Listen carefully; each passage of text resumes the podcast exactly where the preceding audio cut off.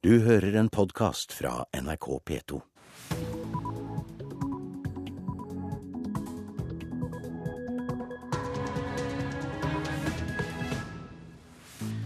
Da er vi kommet fram til fredagen, nærmere bestemt 26. april. Her i studio, Øystein Heggen. Nå klokka 6.30 har vi disse overskriftene. Norwegian-sjef Bjørn Kjos lover billigere billetter med asiatisk besetning. Så alle passasjerene skal jo være sjeleglade over hva asiatene kommer til å bringe med seg. For det kommer til å bli veldig billig å fly langt i fremtida.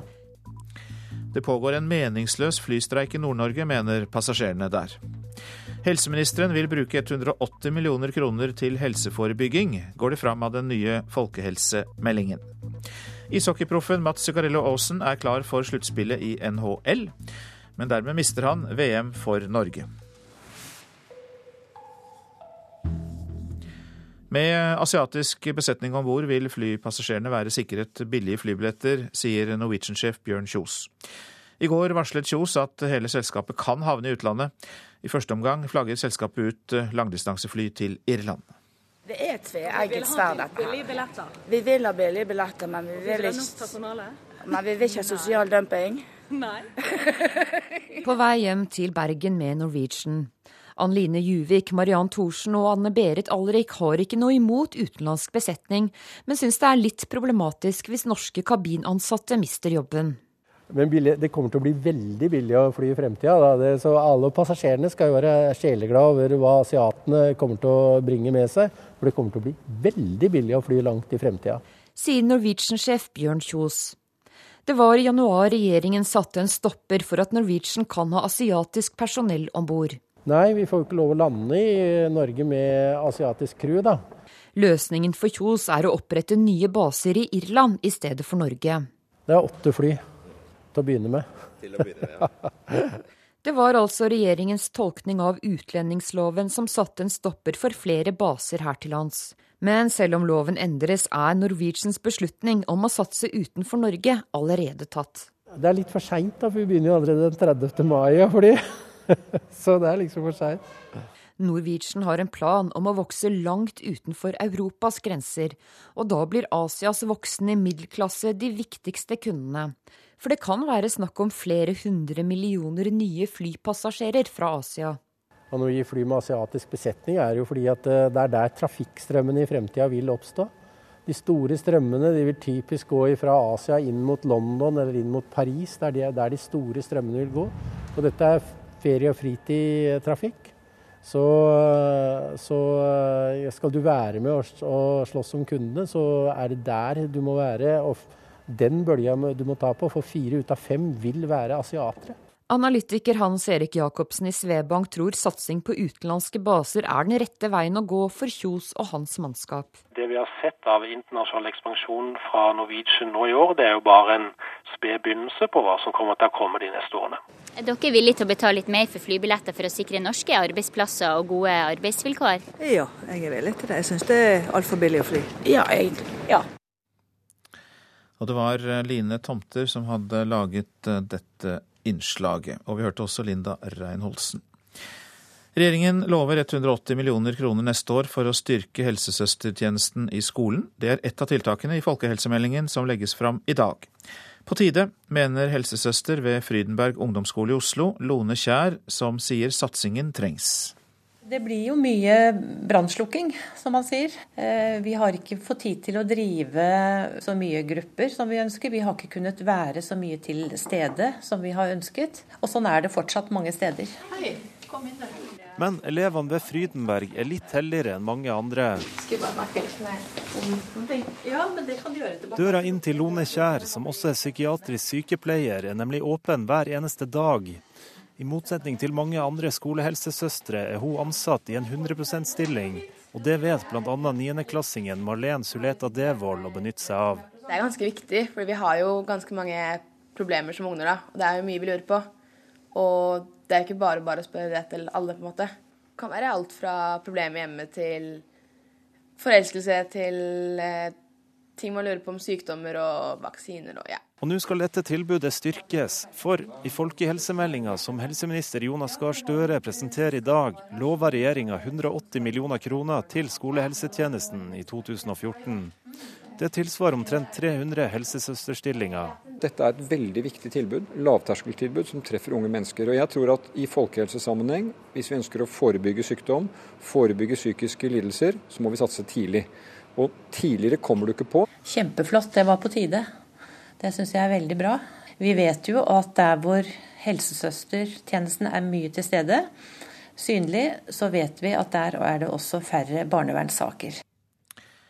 Helsesøster Lone Kjær sa det. Reporter Ole Marius Rørstad. Vi har fått inn melding om at det brenner i en studentbolig i Porsgrunn i Telemark. Og reporter Lorentz Berg, du er på stedet. Kan du fortelle oss mer om brannen? Ja, her eh, jeg kom hit for en eh, halvtime, tre kvarter siden, så brant det kraftig ut fra taket på denne studentboligen. Det er altså en 15-20 eh, studenter som bor i denne bygningen og eh, hele taket er eh, nærmest kollapsa. Brannvesenet har nå begynt å fått mer kontroll. Det velter røyk ut av eh, bygningen fortsatt, og, og brannvesenet jobber fra flere kanter med å få slokka det som er igjen av brannen. Og huset er jo da totalskadd. Nå så jeg nettopp at røykdykkere var inne i huset og eh, Det vi har fått melding om, er at eh, alle som eh, bor inne her, er evakuert og i sikkerhet. Så nå gjelder det bare å få slukka brannen og sørge for at ikke brannen sprer seg videre til hus som ligger tett inntil. Og for uh, sikkerhets skyld så er det jo greit å vite hvor dette er hen i Porsgrunn også, så folk får vite det. Ja, det er altså Skiensgate studentboliger, heter det her. Eh, og det ligger eh, ja, ved en trehusbebyggelse nær Hovenga i, i Porsgrunn. Doktorløkka eh, er det beskrivelsen man kan bruke her. Takk skal du ha. Da er det altså slik at brannen ikke er i fare for å spre seg, og de som bodde i huset har kommet velberget ut. Takk til deg, reporter Lorentz Berg. I Russland er 38 personer omkommet etter en brann på et psykiatrisk sykehus i natt. Utenriksmedarbeider Guri Nordstrøm vet mer om dette. 36 pasienter og to sykepleiere omkom da det i natt brøt ut brann i et psykiatrisk sykehus i Ramenskij, tolv mil nord for Moskva. Mange klarte ikke å komme seg ut av bygningen fordi sykehuset hadde gitter foran vinduene. Det melder det russiske nyhetsbyrået Itar Tass. Bygningen brant nesten ned til grunnen. Politiet sier de tror brannen skyldes en kortslutning i det elektriske anlegget. 272 mennesker er funnet omkommet i ruinene av bygningen som raste sammen i utkanten av Dhaka i Bangladesh onsdag. Redningsmannskaper har det siste døgnet hentet ut 45 overlevende fra det som en gang var en åtteetasjes bygning som bl.a. huset fem tekstilfabrikker. Over 1000 skadde er også hentet ut, men hvor mange som befant seg inne i bygningen da den kollapset, er ikke kjent. Dødstallene kan komme til å stige ettersom mange fortsatt er innesperret under bygningsmassene, opplyser den lokale politisjefen i eh, Dhaka. Så tar vi for oss avisene. Kontantstøtten ga karakterhopp, er oppslaget i Dagens Næringsliv. Flere hjemmeværende mødre bidro til at kontantstøttebarnas eldre søsken fikk bedre karakterer, viser forskning fra Universitetet i Stavanger.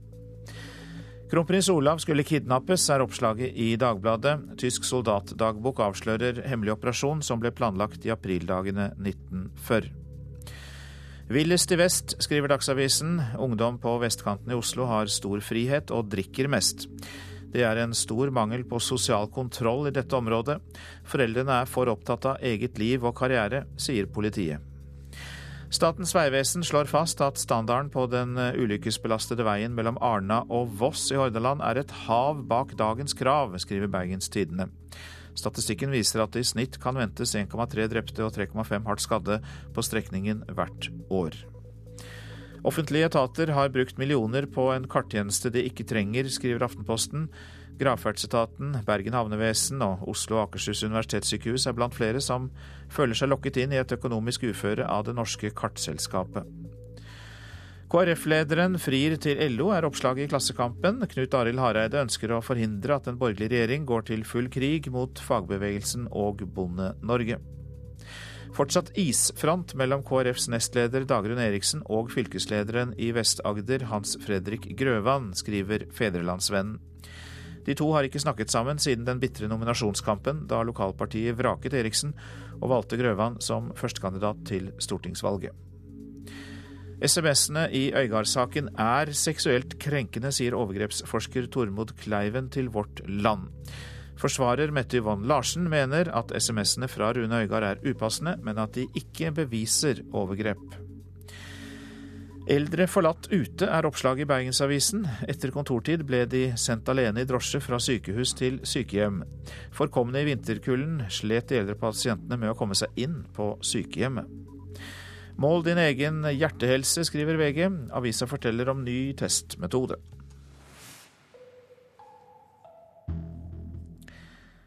Den norske ishockeyproffen Mats Zuccarello Aasen er klar for sluttspillet i NHL. I natt vant New York Rangers 4-3 borte mot Carolina Hurricanes, og Zucca er lettet over seieren. Det er utrolig deilig. Um, har én kamp igjen og slippe å ha kniv på strupen. Det er Eh, det er deilig. Så um, den satt langt inne i dag. Vi masse sjanser og sånne ting, og å få orden. Ryan Callahan walks in. He scores! The New York Rangers are on their way to the Stanley Cup playoffs. Kaptein Ryan Callahan sørget for ellevill jubel blant Rangers-spillerne da han smalt pucken i mål via stanga tre minutter inn i forlengelsen. Rangers måtte vinne en av de to siste kampene i grunnspillet for å være sikre på å nå sluttspillet i NHL. Nå kan de jakte drømmen om å vinne Stanley Cup. Nei, Nå er vi klare, og i sluttspillet kan alt skje. Nå har vi gjort jobben med grunnspillet, og nå moroa begynner. Zuccarello will start from his own zone. Final push for the Rangers on the power play.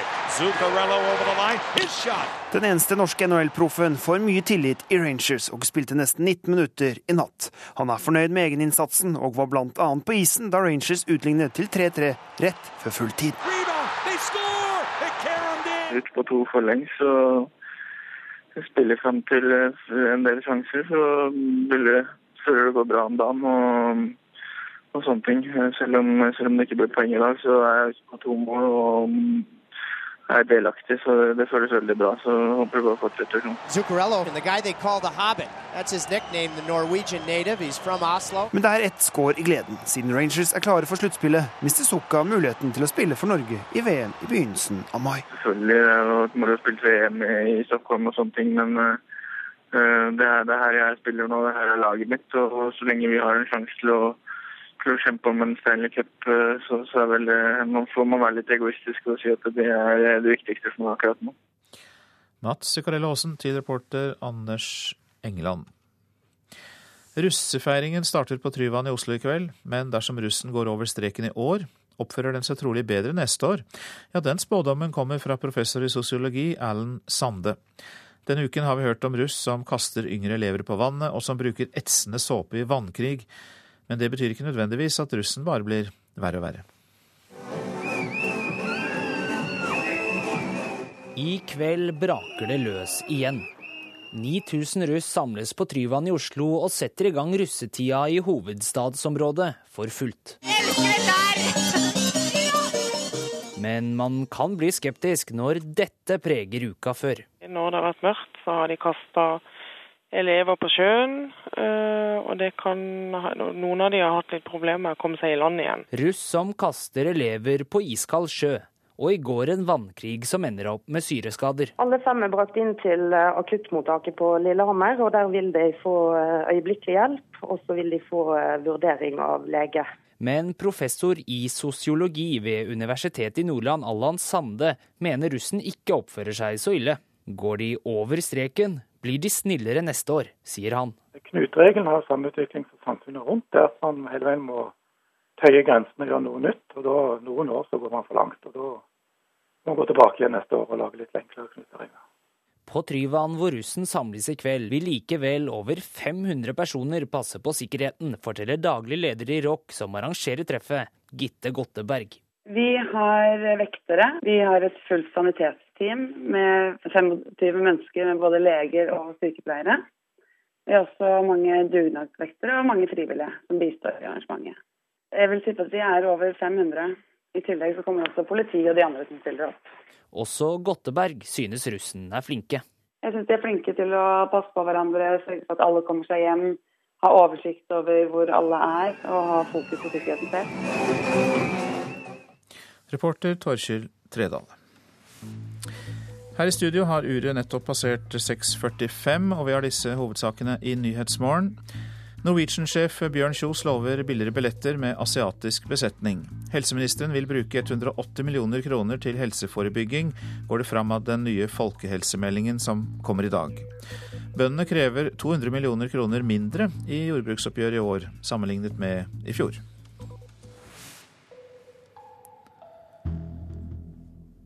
Flystreiken er meningsløs. Det mener passasjerer på de seks flyplassene i Nord-Norge Nord som rammes av arbeidskonflikten mellom Luftfartens funksjonærforening og NHO, som har pågått siden mars. Passasjerene må kjøres flere timer i bil eller buss. Kristin Mørk fra Kjøllefjord mener streiken kun rammer passasjerer fra distriktene.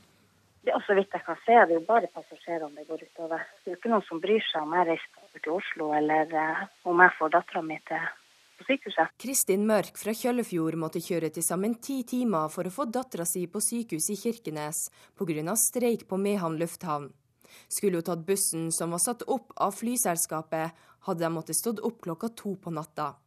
Hun mener streiken til Luftfartens funksjonærforening er meningsløs. Det har ikke egentlig konsekvenser for noen, bortsett fra oss som bor utafor. Det gjør til at ting blir mye vanskeligere for folk som allerede har det vanskelig nok i utkanten. Det er fire flyplasser i Finnmark og totalt seks i Nord-Norge som er satt ut i streik pga. konflikten mellom Luftfartens funksjonærforening og NHO.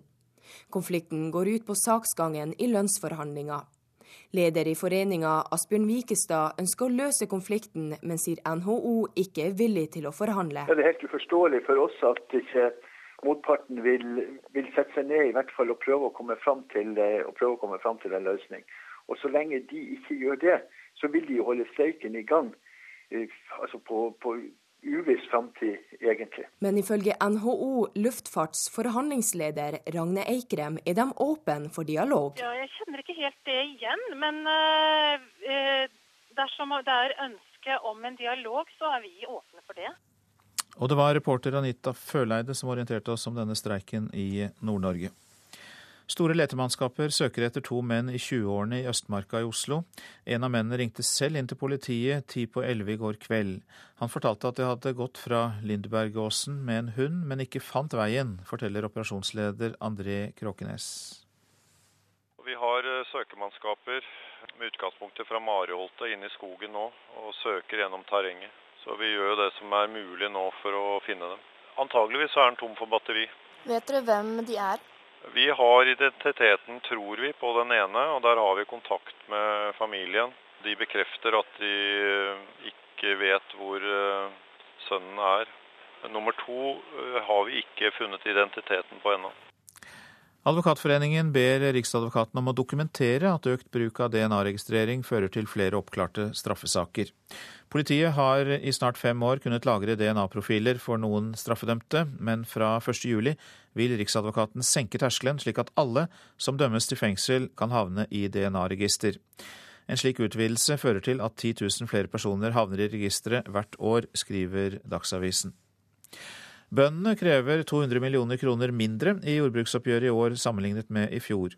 Nasjonen skriver at bondeorganisasjonenes krav til jordbruksoppgjøret blir på 2 milliarder kroner. Staten eh, kan dekke over 1 milliard kroner av kravet via økte overføringer og tilskudd statsbud fra statsbudsjettet. Ja, det foreslår bøndenes organisasjoner. Bare en liten del av bøndene lever i dag av gårdsbruket alene. Andelen deltidsbønder har økt, og fire av fem har nå arbeid utenfor gården. Frode på Reksten leter opp ladøra, men ikke hos seg sjøl. Bonden Gaular er på besøk for å kjøpe silofôr. Han er eksempel på en som satser på landbruket. Jeg eh, fant en mulighet og satsa på å slå til. Vi er på gården til Leif Halvor Kårstad på Lundekvam i Sogn og Fjordane. I fjøsen i etasjen under er det helt stille, og båsene står tomme. Her har vært dyr i hele min generasjon, og generasjoner før det igjen, da. Kårstad gav til slutt opp etter flere år med jobber utenfor landbruket og 14 timer arbeidsdager. Etter at dyra forsvant, er tilværet blitt mer levelig. Absolutt. Jeg er mye friere. Det gikk rett og slett ikke an å drive på den måten som jeg valgte. for å si det sånn. Men heller ikke bonden som nå kjøper fôret med han, lever 100% av gårdsbruket. Også Frode Barekstein må ha flere jobber. Nei, jeg jobber 100% utenom jobben nå på Bringeland. Så det er turnusarbeid og kort vei på jobb. Og, så jeg klarer å tilpasse det greit. Med litt uh, hjelp av innleid arbeid, selvsagt. I dag kommer bøndene med sitt krav under årets landbruksoppgjør.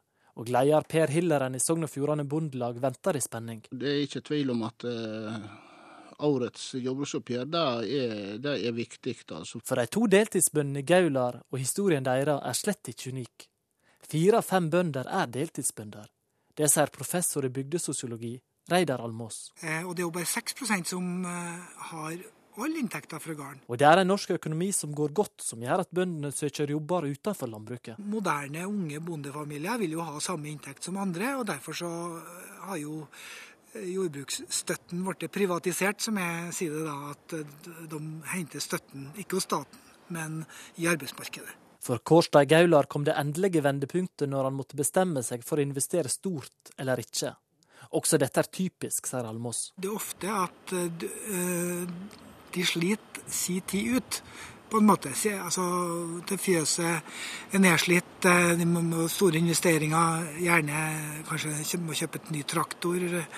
Eh, det er slike ting. Også Hilleren i Sogn og Fjordane Bondelag forstår at store investeringer kan skremme folk fra å satse. Jeg forstår at folk eh, kvir seg på å ta de store, tunge investeringene når du ser eh, den inntekten som, eh, som eh, landbruket har, og som de kan få ved å gå ut i annet arbeid, så, så skjønner jeg nok at mange gjør det valget de gjør. Beklageligvis. Tror du helt oppriktig at dette landbruksoppgjøret vil snu trenden med deltidsbonden? Det er vanskelig å, vanskelig å å spå, det, det, det tør jeg ikke gjøre. Jeg, jeg håper iallfall at, eh, at det skal komme såpass sterke signal at uh, regjeringen syner en større vilje til norsk matproduksjon i dette oppgjøret enn det de gjorde i fjor. Og det var Terje Gillesammer som hadde laget denne reportasjen for oss. Bokloven kommer trolig i dag, og den skal sikre fast pris på alle nye bøker. Høyre og Fremskrittspartiet vil fjerne loven dersom de kommer til makten. Høyre vil heller beholde den frivillige ordningen å få, enn å få en boklov som skal gjelde for alle som selger bøker. Vi mener at eh, bransjeavtalen er en bedre løsning, og da er det naturlig for oss å tenke retning av en oppheving av eh, bokloven. Det sier kulturpolitisk talsmann i Høyre, Olemic Thommessen. Hvis Høyre kommer i regjering, vil de fjerne bokloven dersom den er innført. Den uh, gir en mindre fleksibel og mindre fremtidsrettet ordning enn det dagens ordning gjør. Samtidig så har vi i dagens ordning en, eh, et system som bransjen har levd godt med i mange år. I dag er det en frivillig bransjeavtale mellom Den norske forleggerforeningen og Bokhandlerforeningen. Avtalen sier at bøker må selges til en fast pris satt av forlaget, men gjelder kun for medlemmer av Forleggerforeningen. I dag vil trolig den rød-grønne regjeringen legge frem forslag om boklov i statsråd. Til forskjell fra slik det er nå, skal bokloven sikre en permanent avtale med en fastprisperiode som skal gjelde for alle som selger bøker. Vi ønsker jo at, eh, at bokloven ikke blir innført, med de konsekvenser det har for eh, leserne i Norge. Så vi vil jo prøve å hindre det. Det sier Ib Thomsen, kulturpolitisk talsmann for Fremskrittspartiet. Han mener en ny lov vil gi høyere pris på bøker, og dermed gå ut utover leserne. Det er jo spørs når man igangsetter den. Om det er fra første til første, så har man jo muligheten til å stoppe det eller hindre det. Vil dere prøve på det? Ja, det gjør vi med tanke på at leserne får dyre bøker og disse konsekvensene har rundt det, så det vil vi prøve. Men det er Gunn Karin Juel uenig i. Hun er leder av familie- og kulturkomiteen for Arbeiderpartiet. Den vil sikre at eh, vi får eh, mange nye forfatterstemmer i årene framover, som kan skrive bøkene sine. Det vil bidra til at vi får et mangfold i, i litteraturpolitikken vår, og ikke minst det vil sikre også det norske språket. Derfor er det kjempeviktig å få på plass en, en eh, boklov nettopp av kulturpolitiske og litteraturpolitiske årsaker. At en boklov sikrer mangfoldet, er FrPs Thomsen uenig i. Den smale litteraturen kan ingen garantere. Hver dag så får folk avslag på bøker som de leverer til de store forlagene. Så det er ikke noen garanti som forlagene kan gi at vi ønsker å gi ut smale bøker. Reportere her, det var Eirin Venås Sivertsen og Jelena Kabo. Livet til russiske barnevernsbarn blir bok og film. Hanne Johnsen fra Tromsø hun vil at barnas egne fortellinger skal tas på alvor i det dokumentararbeidet hun driver. Og det kan også lære fagfolk hvordan de skal snakke med barn, tror en av regiondirektørene i Barne-, ungdoms- og familieetaten. Nå skal vi se om jeg finner den. Er tegn av ei jente. Her har vi den. Og der står det i, i teksten står det 'min framtidige familie'. Ungene har tegna hjem og familier som de drømmer om. Mora har fletter, og faren har litt skjegg, og det er skog i bakgrunnen. Men det tenker jeg er nettopp en drøm. Eh, min framtidige familie. Fotograf Hanne Johnsen har fått unger på russiske barnevernsinstitusjoner til å snakke om tilværelsen, som er eller har vært prega av alkohol, vold og omsorgssvikt. I dokumentarboka 'Vekst i det vanskelige' og filmen 'White Crow' forteller unger helt ned til fireårsalderen sjøl hvordan de takler det vanskelige. Det her er ei seks år gammel jente som eh, bor hjemme, og som tar veldig mye ansvar hjemme. Og forteller om hvordan hun vasker klær, og hvordan hun ordner TV-en og hvor flink hun egentlig er. Og, og, mamma har til og med sagt det at uh, det minste barnet har hun født til henne. Det skal være hennes datter. Men de øynene hennes, som jeg selvfølgelig så som man ikke ser her på filmen, er jo prega av et ansvar som er forbi hennes alder.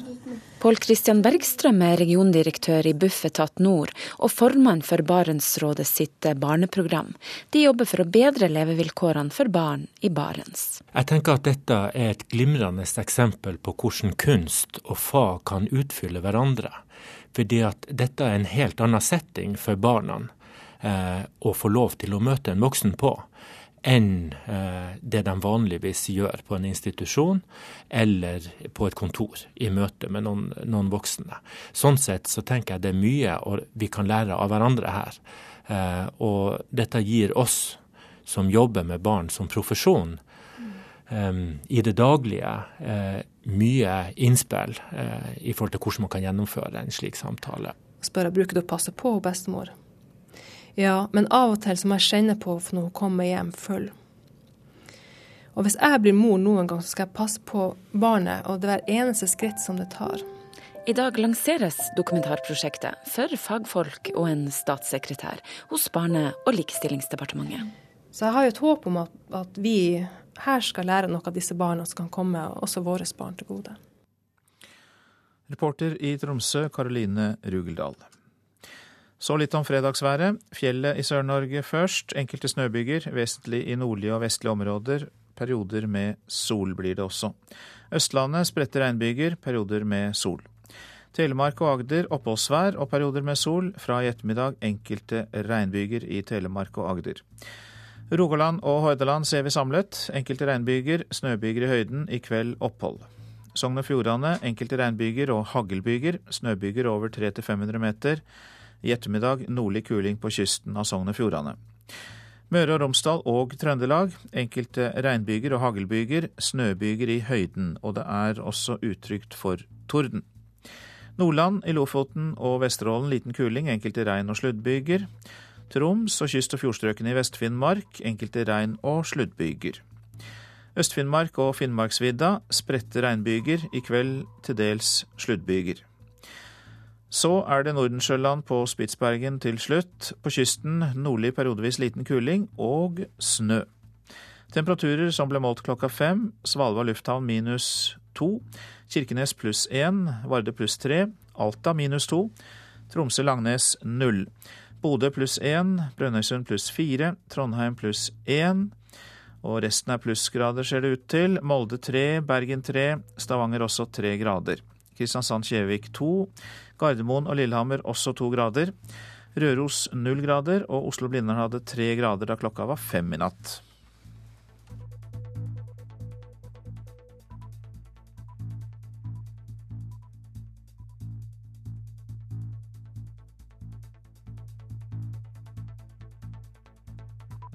Du hører en podkast fra NRK P2.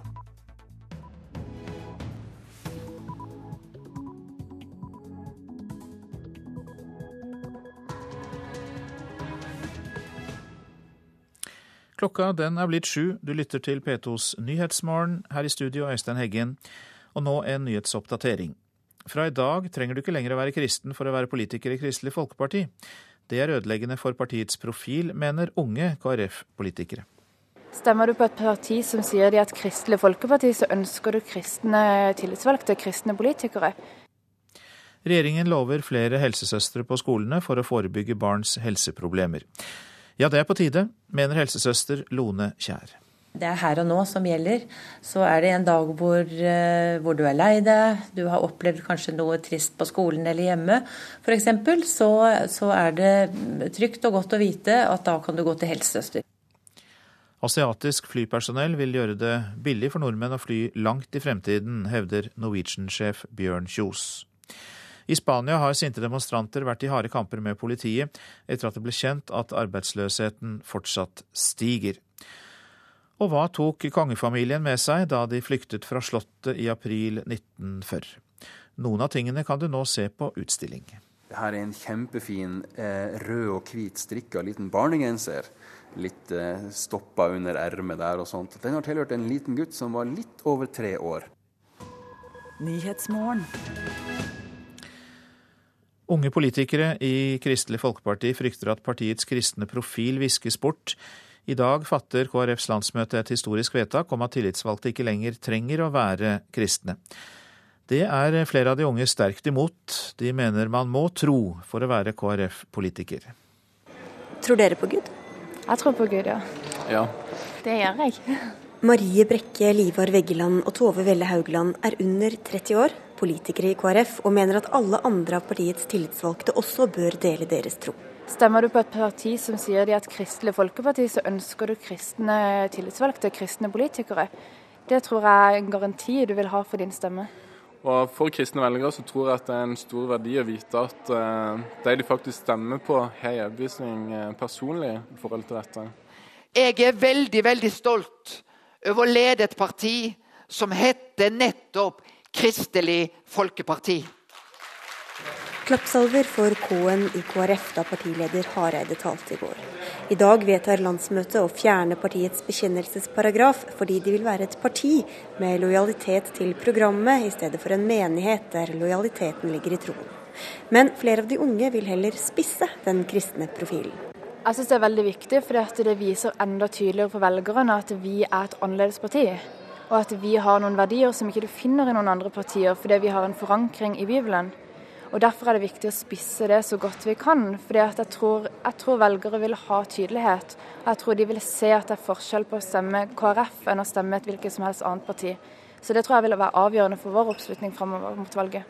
Tove Velle Haugland er fylkesleder i Vest-Agder KrFU, og hele ungdomspartiet har beholdt sin bekjennelsesparagraf inntil videre.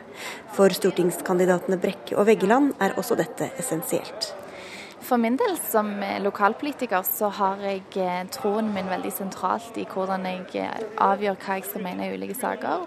Jeg tror det er en veldig viktig forankring for eh, KrF som parti at vi har den eh, paragrafen. Dersom vi tar vekk denne, så sender vi ut et signal til velgere, til støttespillere, om at eh, vi endrer kurs. Og hvordan vi skal kommunisere dette ut, at vi fremdeles har de samme verdiene, de samme grunnverdiene, det, det er et spørsmål jeg stiller meg.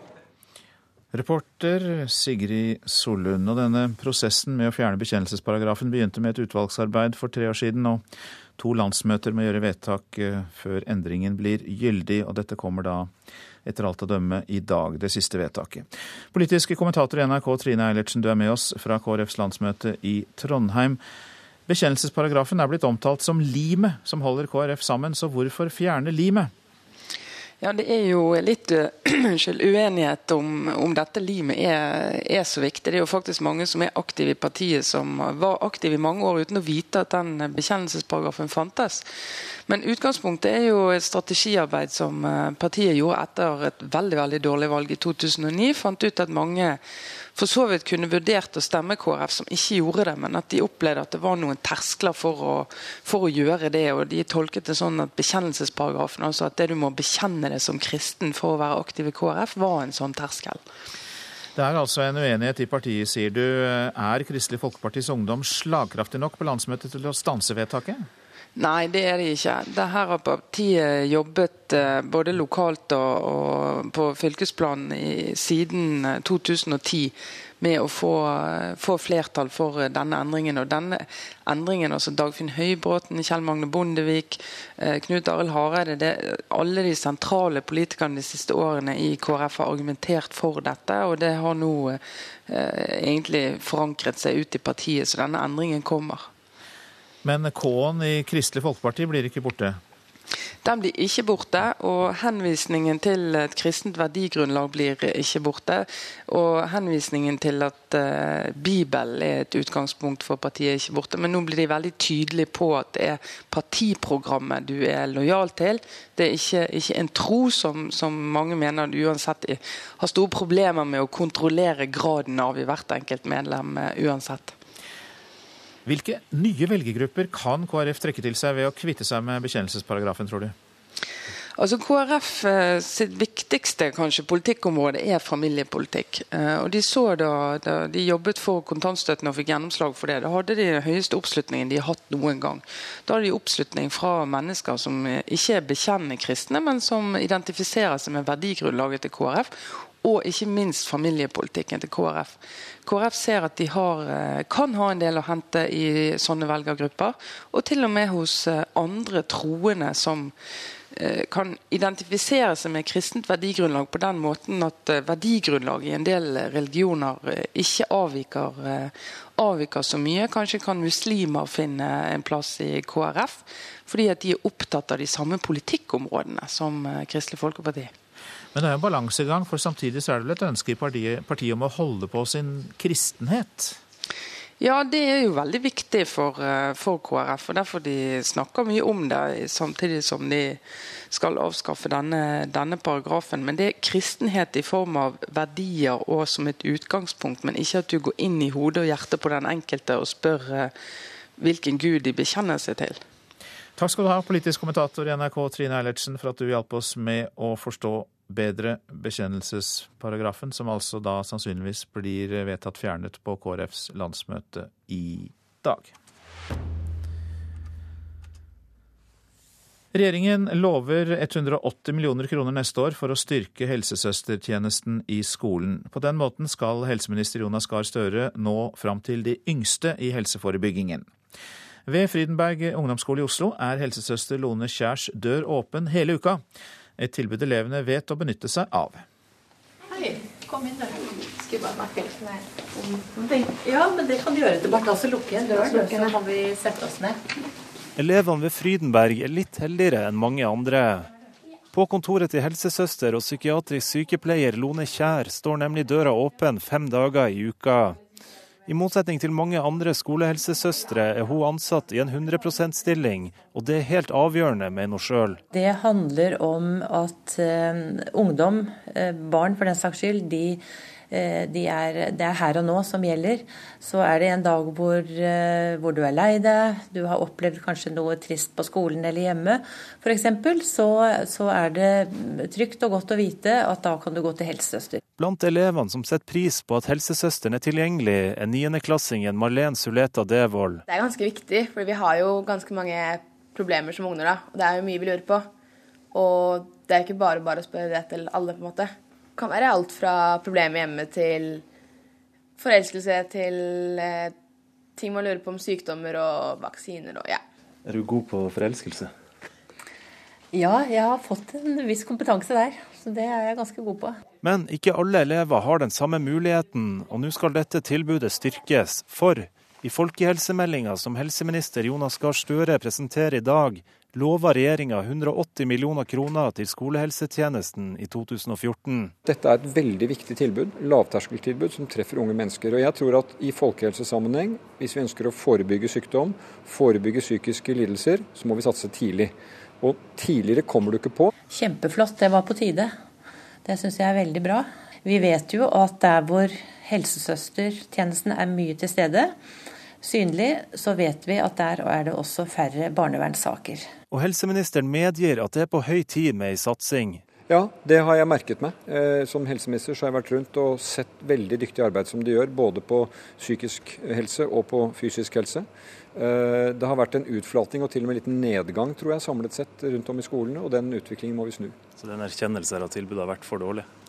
Kommunene har jo ansvar for å prioritere her. Kommunene har fått mange frie inntekter i våre år i regjering, men de har mange ting de skal prioritere. og Det betyr at vi nå mener det er viktig å bevilge penger og peke veldig tydelig på dette behovet. Pengene Støre nå lover, tilsvarer omtrent 300 helsesøsterstillinger.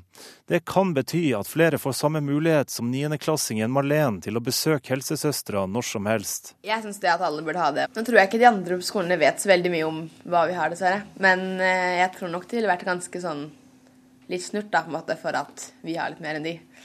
Sånn er det nok alltid. Reporter Ole Marius Rørstad. Leder av faggruppen av helsesøstre i Sykepleierforbundet, Astrid Grydeland Ersvik. Du er med oss, og 180 millioner kroner ekstra til skolehelsetjenesten. Det er vel da grunn til å sprette champagnen? Det er det absolutt. Det er en eh, viktig seier for barn og unge, først og fremst, som i mange år har bedt om flere helsesøstre i skolehelsetjenester. Jeg tenker også det er en seier for Norsk Sykepleierforbund, som har argumentert for dette i lang, lang tid. Mener du at uh, dette er nok penger til å gjøre tilbudet så bra som uh, det bør være? Det er det nok ikke. Det er et viktig første steg på veien mot en opptrapping av skolehelsetjenester. Men direktoratet har jo sjøl pekt på at det totalt i helsestasjon og skolehelsetjenester mangler nærmere 900 stillinger. Så det er klart at dette er ett viktig steg. De 180 millionene som da kommer nå, hvordan kan de best brukes? Jeg tenker at man nå må satse faktisk på helsesøsterstillinger først og fremst, ettersom det er det barn og unge sjøl så tydelig etterspør. For smører man millionene her tynt utover, så får man ikke den effekten som man er ute etter. I innslaget så hørte vi jo om at helsesøstrene skal ha kompetanse på mye rart. Til og med forelskelse, fikk vi vite. Men eh, de skolene som ikke har helsesøster tilgjengelig hele tiden, hvilke utfordringer er det spesielt der? Nei, Det er jo som eh, Lone Kjær påpekte her, at da møter jo elevene ei stengt dør. Og elever er, barn og unge er spontane. De vil ha hjelp der og da når behovet melder seg. Det betyr kanskje at man ikke gjør et nytt forsøk på å få den hjelpa man trenger. Eh, man blir ikke oppfylt i forhold til den psykiske helsa, men heller ikke den fysiske på en god nok måte. Dere som jobber for helsesøstrene og den eh, virksomheten de driver med, hvordan vil dere ta dette videre? Nå har dere fått disse pengene. Hva blir da viktig å jobbe for eh, dere som interessegruppe? Vi vil være tett på regjeringa i forhold til hvordan de følger opp dette. For vi tenker at dette som jeg sier, er et første steg. Det må følges opp i årene som kommer.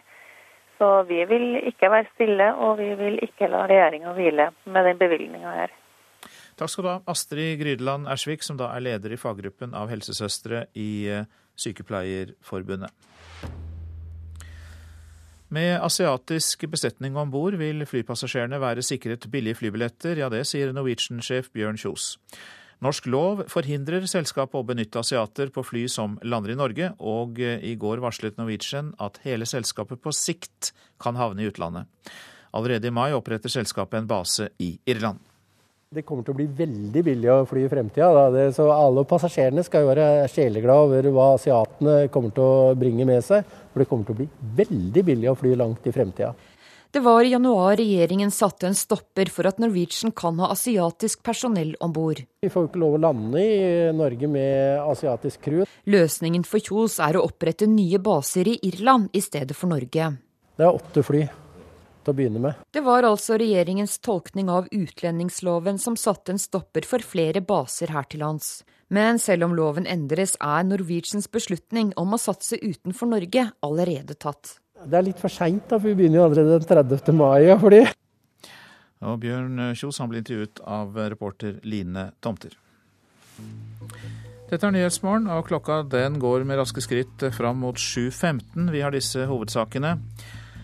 Unge politikere i Kristelig Folkeparti frykter at partiets kristne profil viskes vekk når bekjennelsesparagrafen fjernes på partiets landsmøte i dag. Regjeringen skal satse mer på å forebygge barns helseproblemer, lover 180 millioner kroner til flere helsesøstre på skolene. På høy tid, sier helsesøstrene. Og følger du med oss videre, så kan du få høre at Island eh, kan komme til å trekke EU-søknaden sin.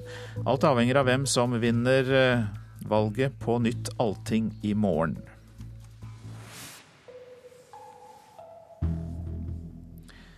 Nå til Madrid. Der brøt det i går ut opptøyer rundt parlamentet etter at det ble kjent at arbeidsledigheten i landet nå er på det høyeste noensinne.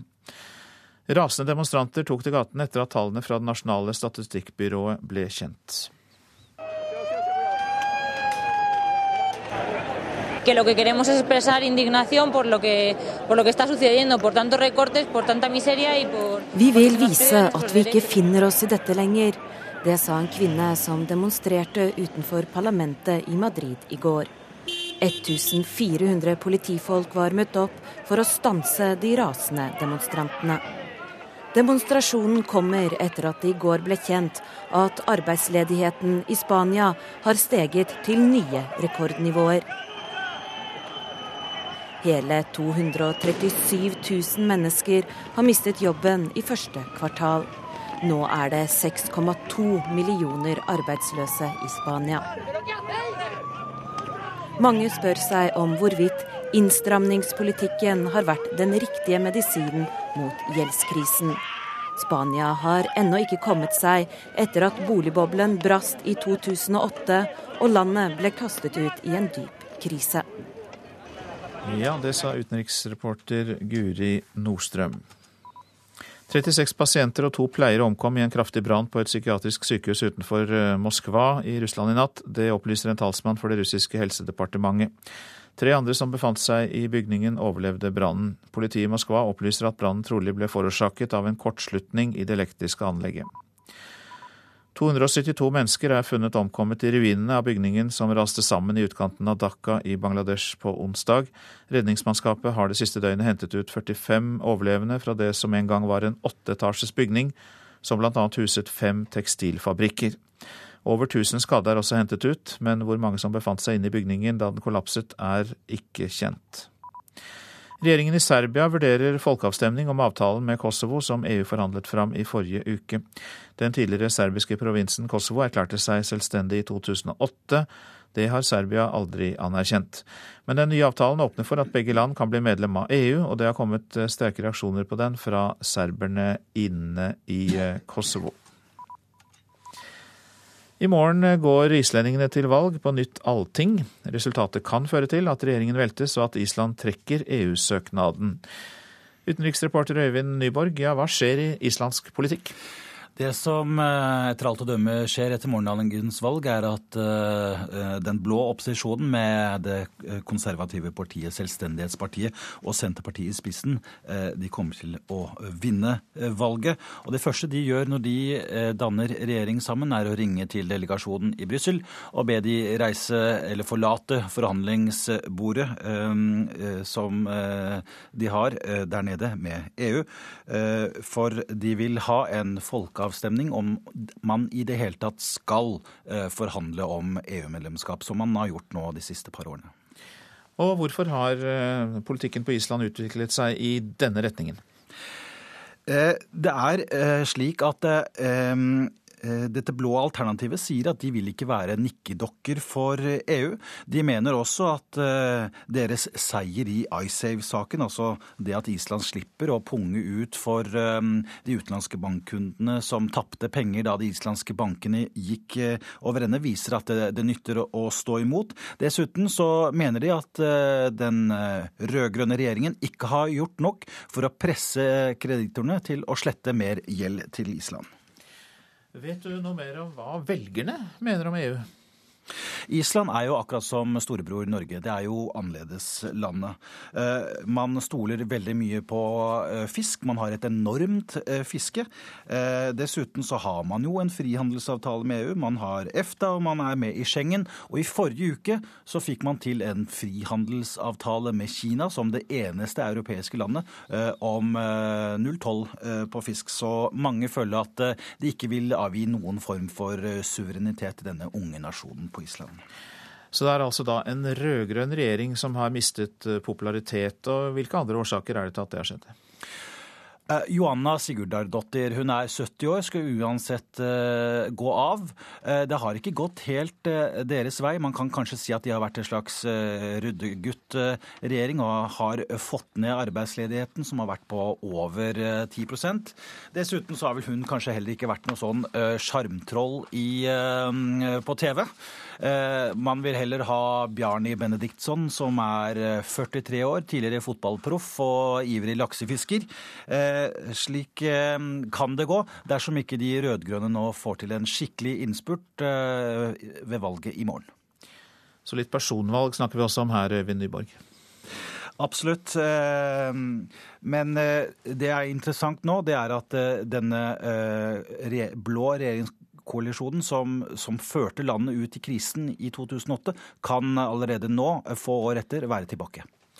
Takk skal du ha, utenriksreporter Øyvind eh, Nyborg. Så tar vi for oss uh, avisene. Kontantstøtten ga karakterhopp, er oppslaget i Dagens Næringsliv. Flere hjemmeværende mødre bidro til at kontantstøttebarnas eldre søsken fikk bedre karakterer, viser forskning fra Universitetet i Stavanger. Kronprins Olav skulle kidnappes, er oppslaget i Dagbladet. Tysk soldatdagbok avslører hemmelig operasjon som ble planlagt i aprildagene 1940. Villest i vest, skriver Dagsavisen. Ungdom på vestkanten i Oslo har stor frihet og drikker mest. Det er en stor mangel på sosial kontroll i dette området. Foreldrene er for opptatt av eget liv og karriere, sier kilder i politiet til Dagsavisen. Statens vegvesen slår fast at standarden på den ulykkesbelastede veien mellom Arna og Voss er et hav bak dagens krav, skriver Bergens Tidende. Statistikken viser at det i snitt kan ventes 1,3 drepte og 3,5 hardt skadde på denne strekningen hvert år. Offentlige etater har brukt millioner på karttjenester de ikke trenger, skriver Aftenposten. Gravferdsetaten, Bergen havnevesen og Oslo og Akershus universitetssykehus er blant flere som føler seg lokket inn i et økonomisk uføre av det norske kartselskapet. KrF-lederen frir til LO, er oppslaget i Klassekampen. Knut Arild Hareide ønsker å forhindre at en borgerlig regjering går til full krig mot fagbevegelsen og Bonde-Norge. Fortsatt isfront mellom KrFs nestleder Dagrun Eriksen og fylkeslederen i Vest-Agder, Hans Fredrik Grøvan, skriver Fedrelandsvennen. De to har ikke snakket sammen siden den bitre nominasjonskampen, da lokalpartiet vraket Eriksen og valgte Grøvan som førstekandidat til stortingsvalget. SMS-ene i Øygard-saken er seksuelt krenkende, sier overgrepsforsker Tormod Kleiven til Vårt Land. Forsvarer Mette Johan Larsen mener SMS-ene fra Rune Øygard er upassende, men at de ikke beviser overgrep. Eldre forlatt ute er oppslaget i Bergensavisen. Etter kontortid ble de sendt alene i drosje fra sykehus til sykehjem. Forkomne i vinterkulden slet de eldre pasientene med å komme seg inn på sykehjemmet. Og mål din egen hjertehelse, skriver VG. Avisa forteller om en ny testmetode.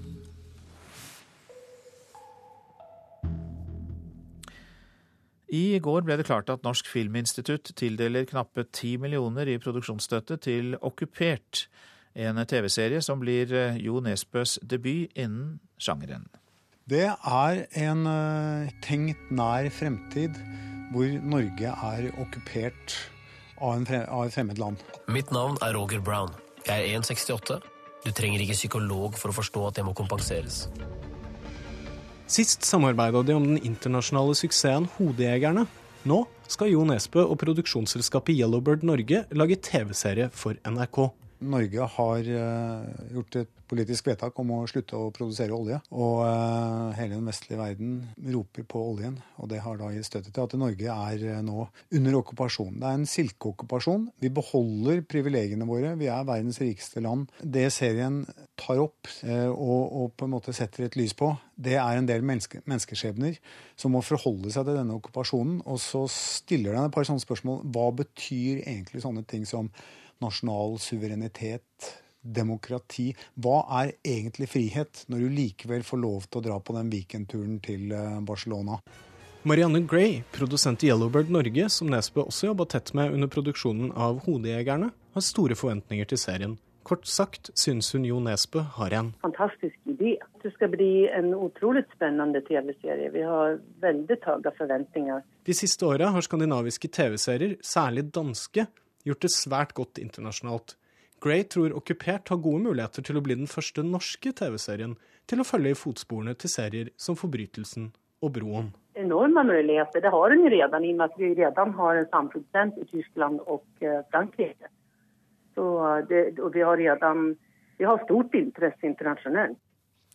Og denne serien kan komme på norske skjermer i 2014 eller 2015. Reporter Pål Buseth. En eh, rød og hvit strikkegenser, et pass med bilde av en liten kronprins og ei hyttebok fra Målselv, hvor kongen og kronprinsen takker for gjestfriheten. Dette er noe av det du kan se på vandreutstillingen Den lengste reisen, som vises i Tromsø museum. Året er 1940. Kong Haakon og familien flykter fra tyskerne til Nord-Norge og Tromsø. Her holder kongen 17. mai-talen til det norske folk.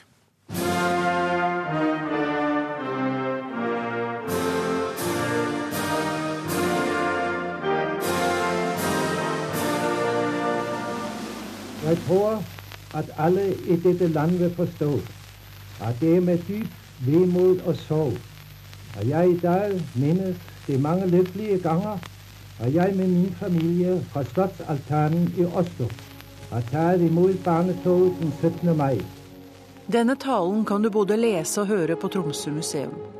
Med røde understrekninger, Overstrykninger og tilføyelser ligger kongens manus sammen med andre gjenstander fra kongefamiliens lengste reise i krigsårene.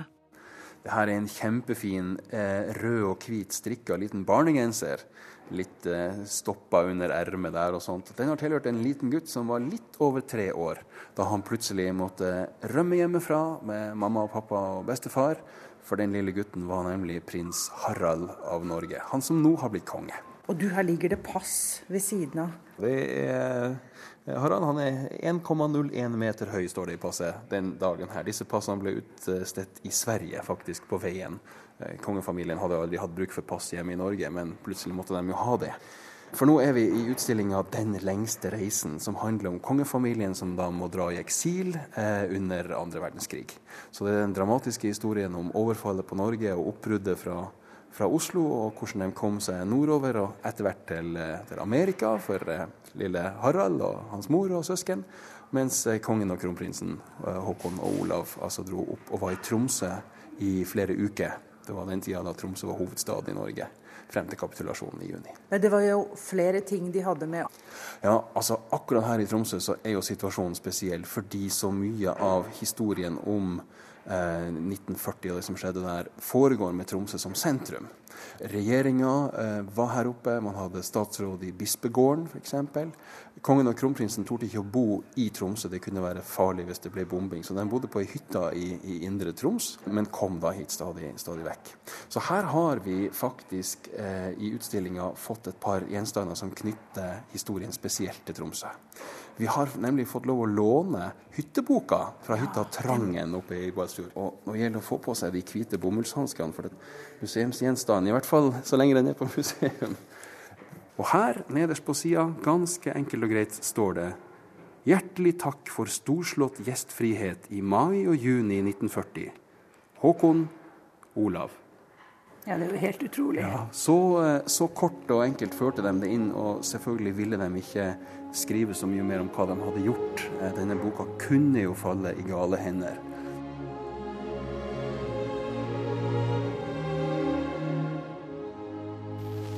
Og som kjærlighetsbror av den hjemlige jord skal den gro av vår kjærlighets frøkorn igjen.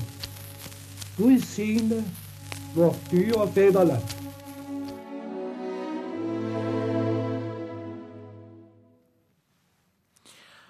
Og Den reportasjen var laget av Kristine Østvold. I Guatemala står en tidligere president for første gang tiltalt for folkemord under landets 36 år lange borgerkrig. Mer om det i reportasjen etter Dagsnytt. Folkehelsa og landsmøtet til partiet De Grønne er temaer for Politisk kvarter. Prosent for Nyhetsmorgen, Ulf Tannes Fjell. Her i studio sitter Øystein Heggen. Du hører en podkast fra NRK P2.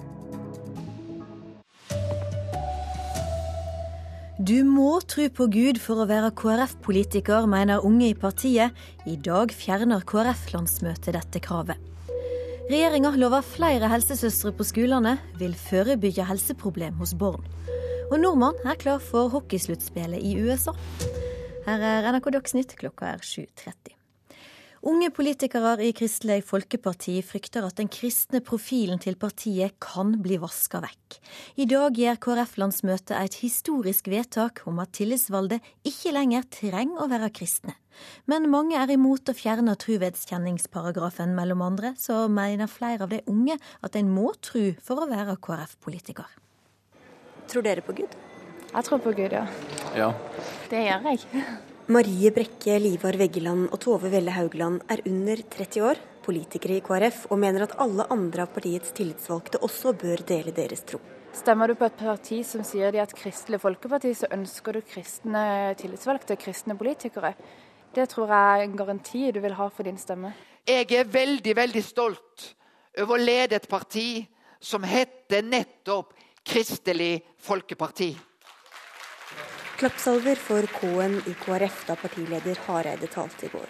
I dag vedtar landsmøtet å fjerne partiets bekjennelsesparagraf, fordi de vil være et parti med lojalitet til programmet, i stedet for en menighet der lojaliteten ligger i troen.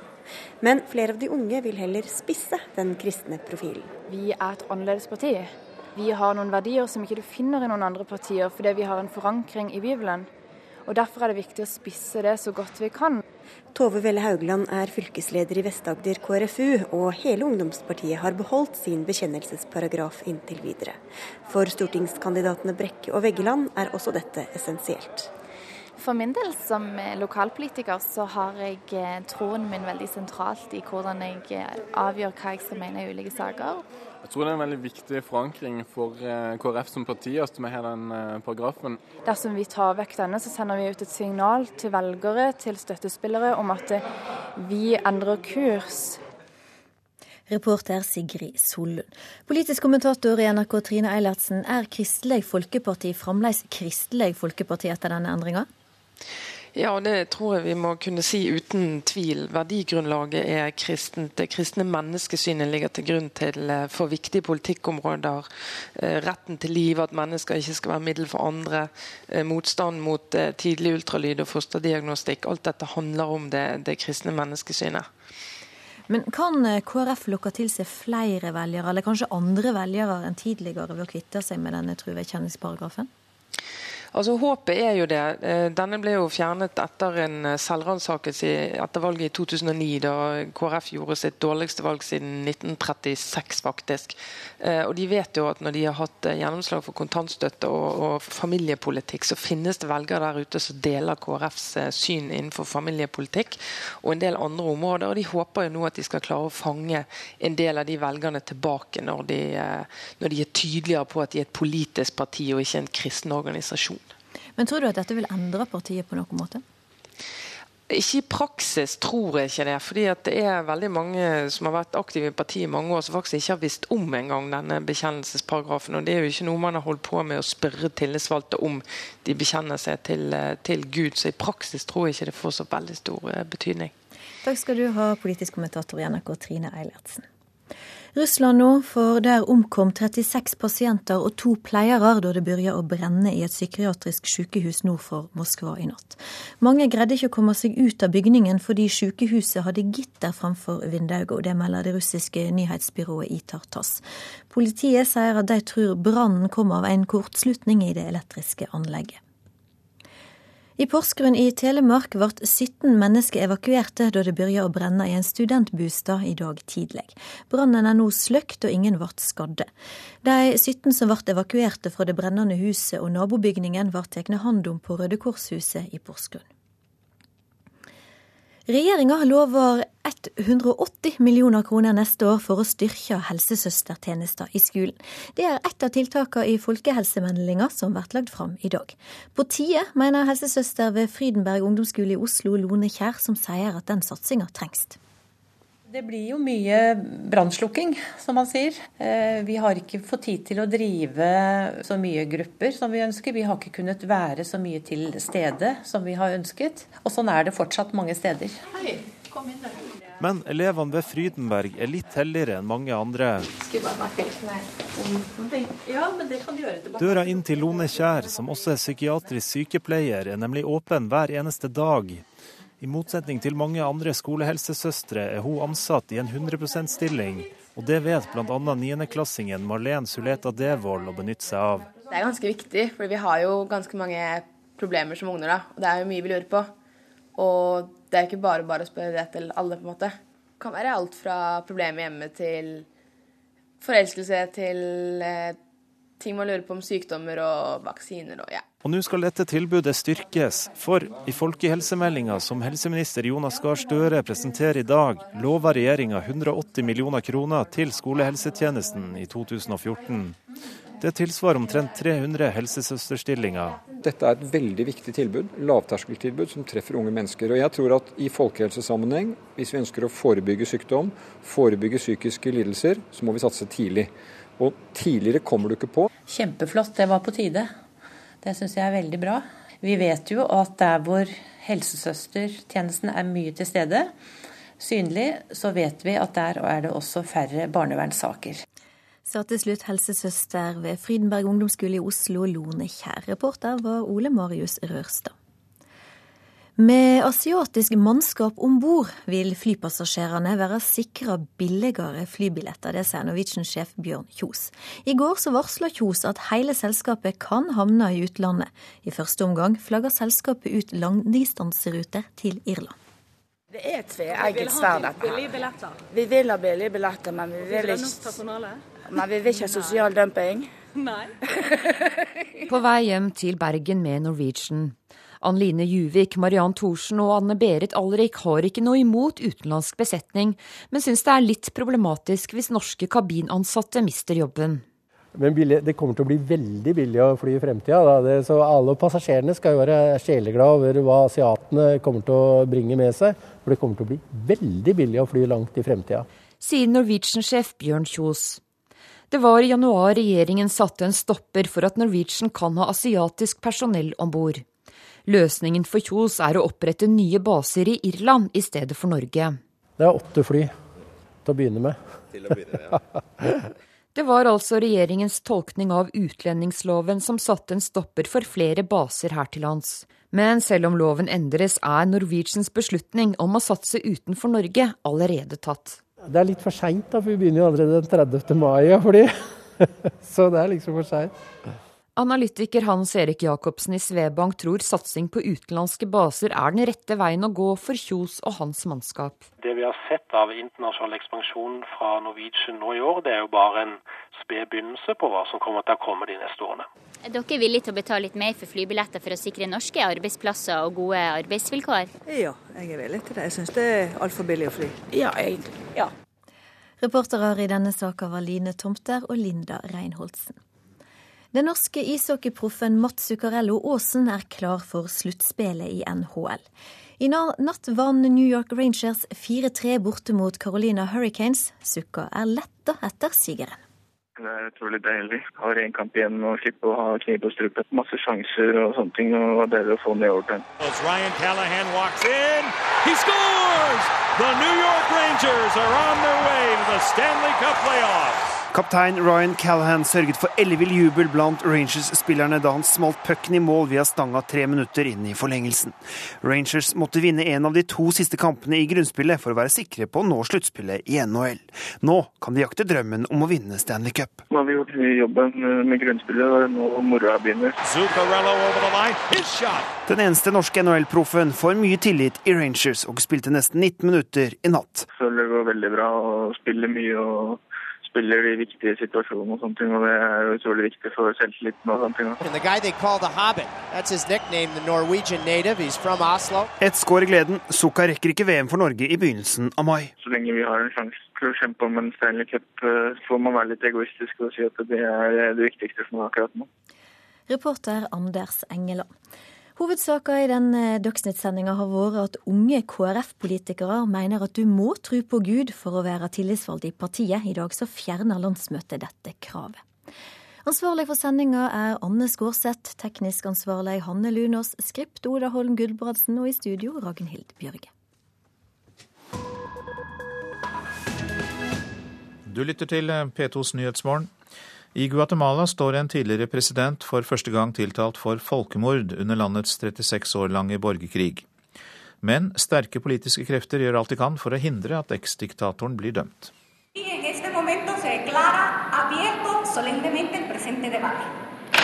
Med Nobels fredsprisvinner og maya-indianer Rigoberta Menchu på første rad på tilhørerbenken i rettssalen i Guatemala by, satt en mutt Efrain Rios Mont i mars endelig på tiltalebenken. For første gang i Latin-Amerikas historie står en tidligere president tiltalt for folkemord.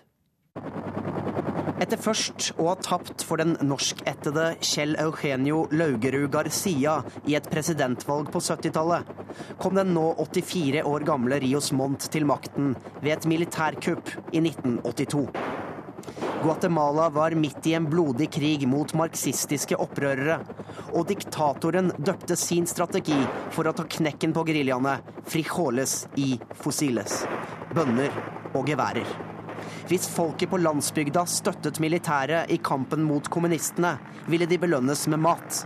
Hvis ikke ville de få kjenne geværenes justis. Rios Mont var som så mange andre latinamerikanske generaler utdannet ved det amerikanske militærets School of the Americas. Og som diktator fant han raskt en venn i president Ronald Reagan. Ifølge Reagan var Rios Mont en mann med mye integritet og engasjement, som vil det beste for folket i Guatemala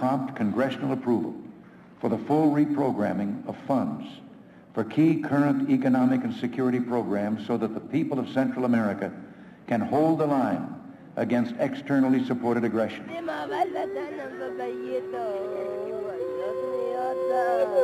Krigen i Guatemala hadde lenge vært blodig, men aldri så blodig som under Rios Mont. På det verste forsvant eller døde 3000 mennesker hver måned som følge av dødsskvadroner som herjet på landsbygda, forteller rapporter fra FN og menneskerettighetsorganisasjoner. Kvinner ble utsatt for de mest brutale seksuelle overgrep. Lo único que sí es cierto es que en 16 meses ganamos una guerra de 20 años. Den tidligere generalen hevder sin uskyld. Han brakte fred til Guatemala, forteller han. Og hvis overgrep ble begått, var det uten hans viten og vilje. No asesinamos, no matamos, sino dijimos verdad. Y la verdad es dolorosa y molesta.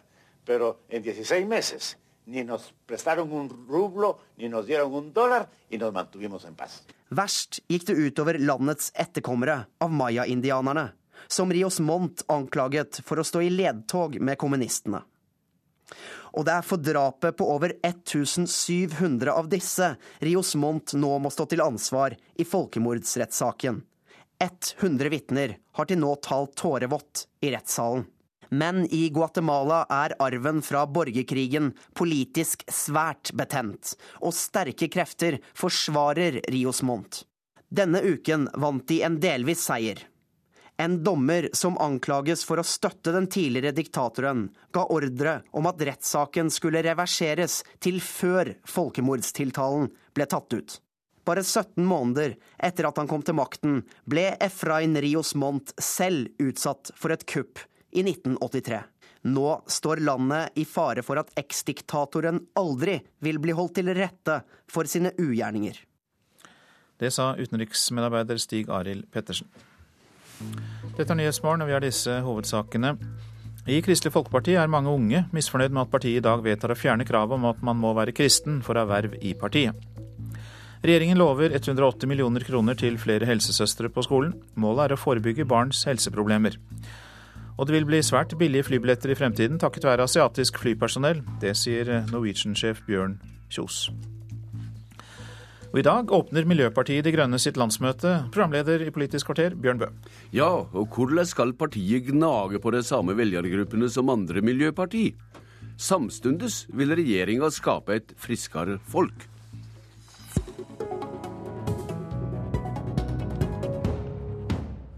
I dag legger regjeringa fram melding om folkehelsa. Et av målene er at Norge skal være blant de tre landene i verden som skal ha lengst levealder. Helseminister Jonas Gahr Støre, hvorfor er det et viktig mål i seg selv?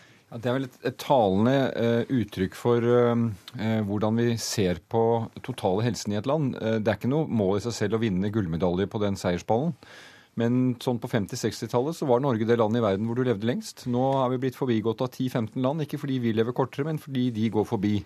Og det er et samlet uttrykk for noe som vi kan kalle folkehelsen. Altså helsen til folk, eh, hva vi har av sykdom, hva vi dør av. Det skal vi alle. Men for tidlig død og sykdom, og det som kan oppsummeres som også livskvalitet. Det varsler satsing på forebyggende arbeid. 300 flere helsesøstre er ett element. Erkjenner de at det har gjort for lite på dette feltet?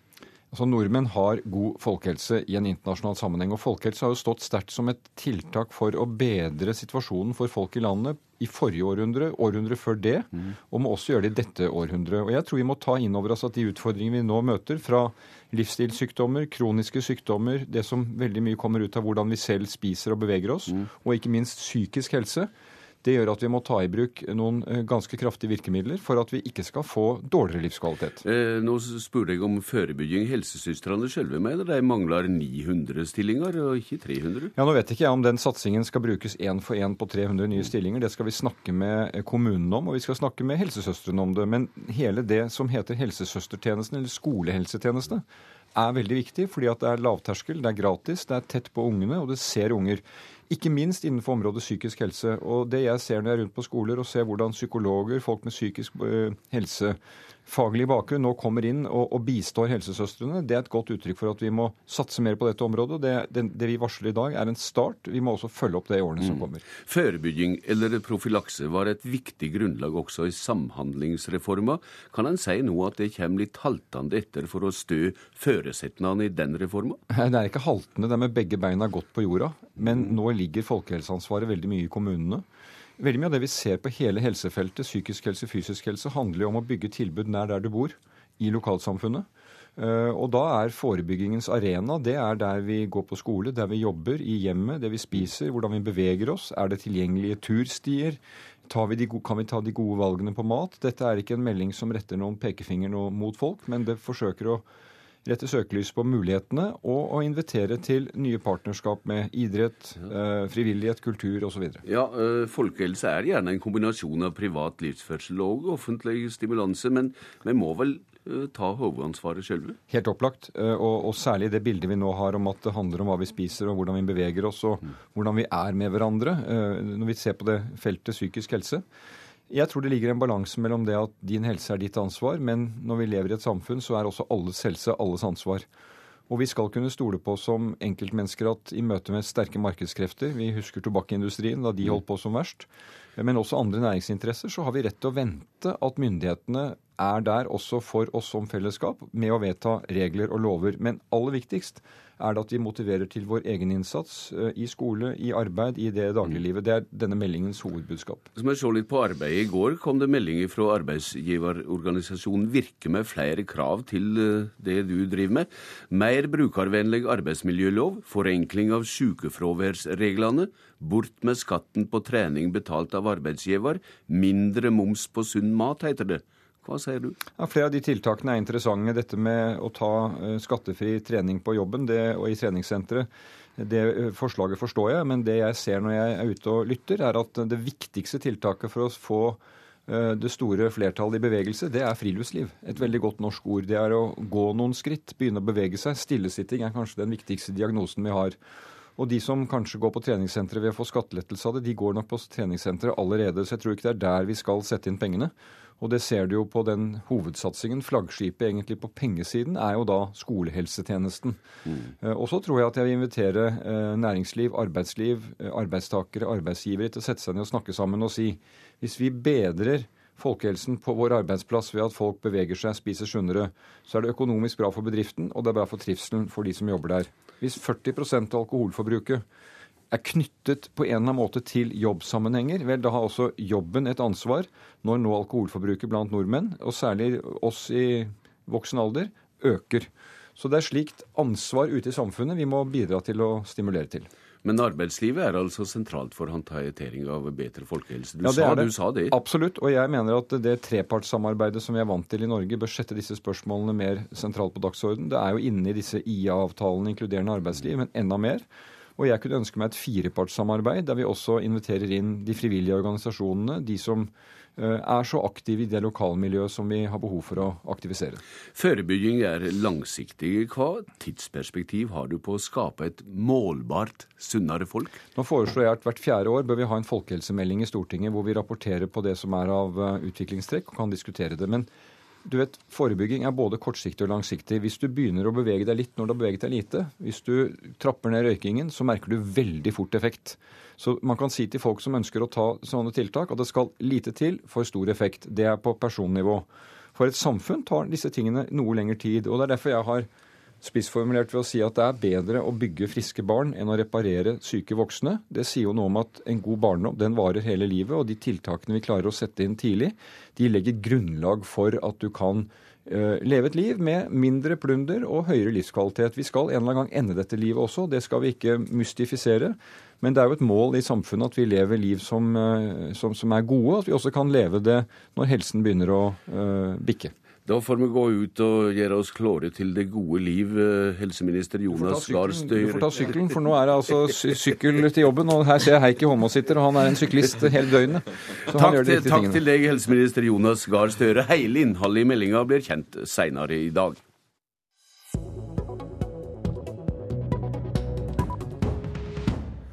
I dag åpner landsmøtet hjå Miljøpartiet De Grønne. Partiet er oppe på 1 %-tallet på flere målinger nasjonalt, og får i dag notert 1,7% hjå Dagens Næringsliv. Talskvinne Hanna E. Markussen, hva miljøpolitikk er det det har å by velgerne som de ikke kan få andre steder?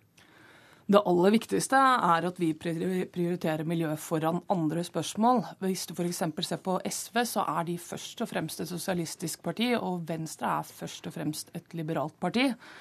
Eh, vi mener at miljøspørsmål er så viktige at de f.eks. er viktigere enn tradisjonell blokkepolitikk. Mm. I tillegg så er vi ikke redde for å ta den store debatten om norsk oljeavhengighet. Så det er en del ekstra siden vi setter miljø som den viktigste saken. I programframlegget deres er det dissens fra komiteen på hele kapittelet om økonomisk politikk, grønn økonomi som det heter. Hva kommer deres nullvekstøkonomi til å ty i praksis når det gjelder lavere lønner og mindre forbruk? Det viktigste vi foreslår i forhold til økonomi, er jo å også innføre andre indekser på hvor vellykket en økonomi er.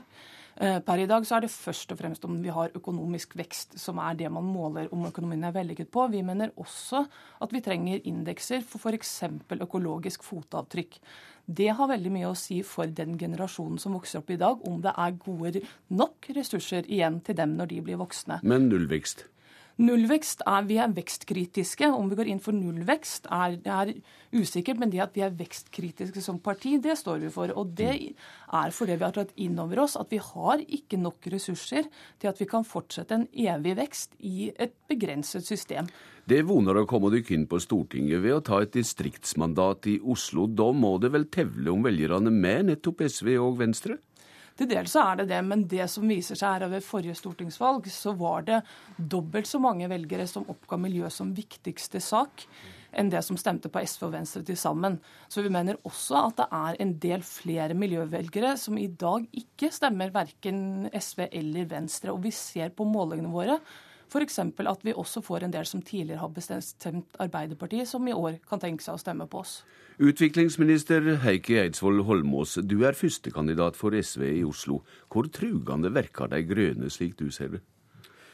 Nei, altså jeg er jo bekymret selvfølgelig for at vi skal spre, spre miljøvelgerne på eh, flere partier. fordi at eh, det er klart at når jeg leser partiprogrammet og utkastet til partiprogrammet til Miljøpartiet De Grønne, så oppfatter jeg jo at de ligger et sted mellom SV og Rødt, og kanskje nærmere Rødt.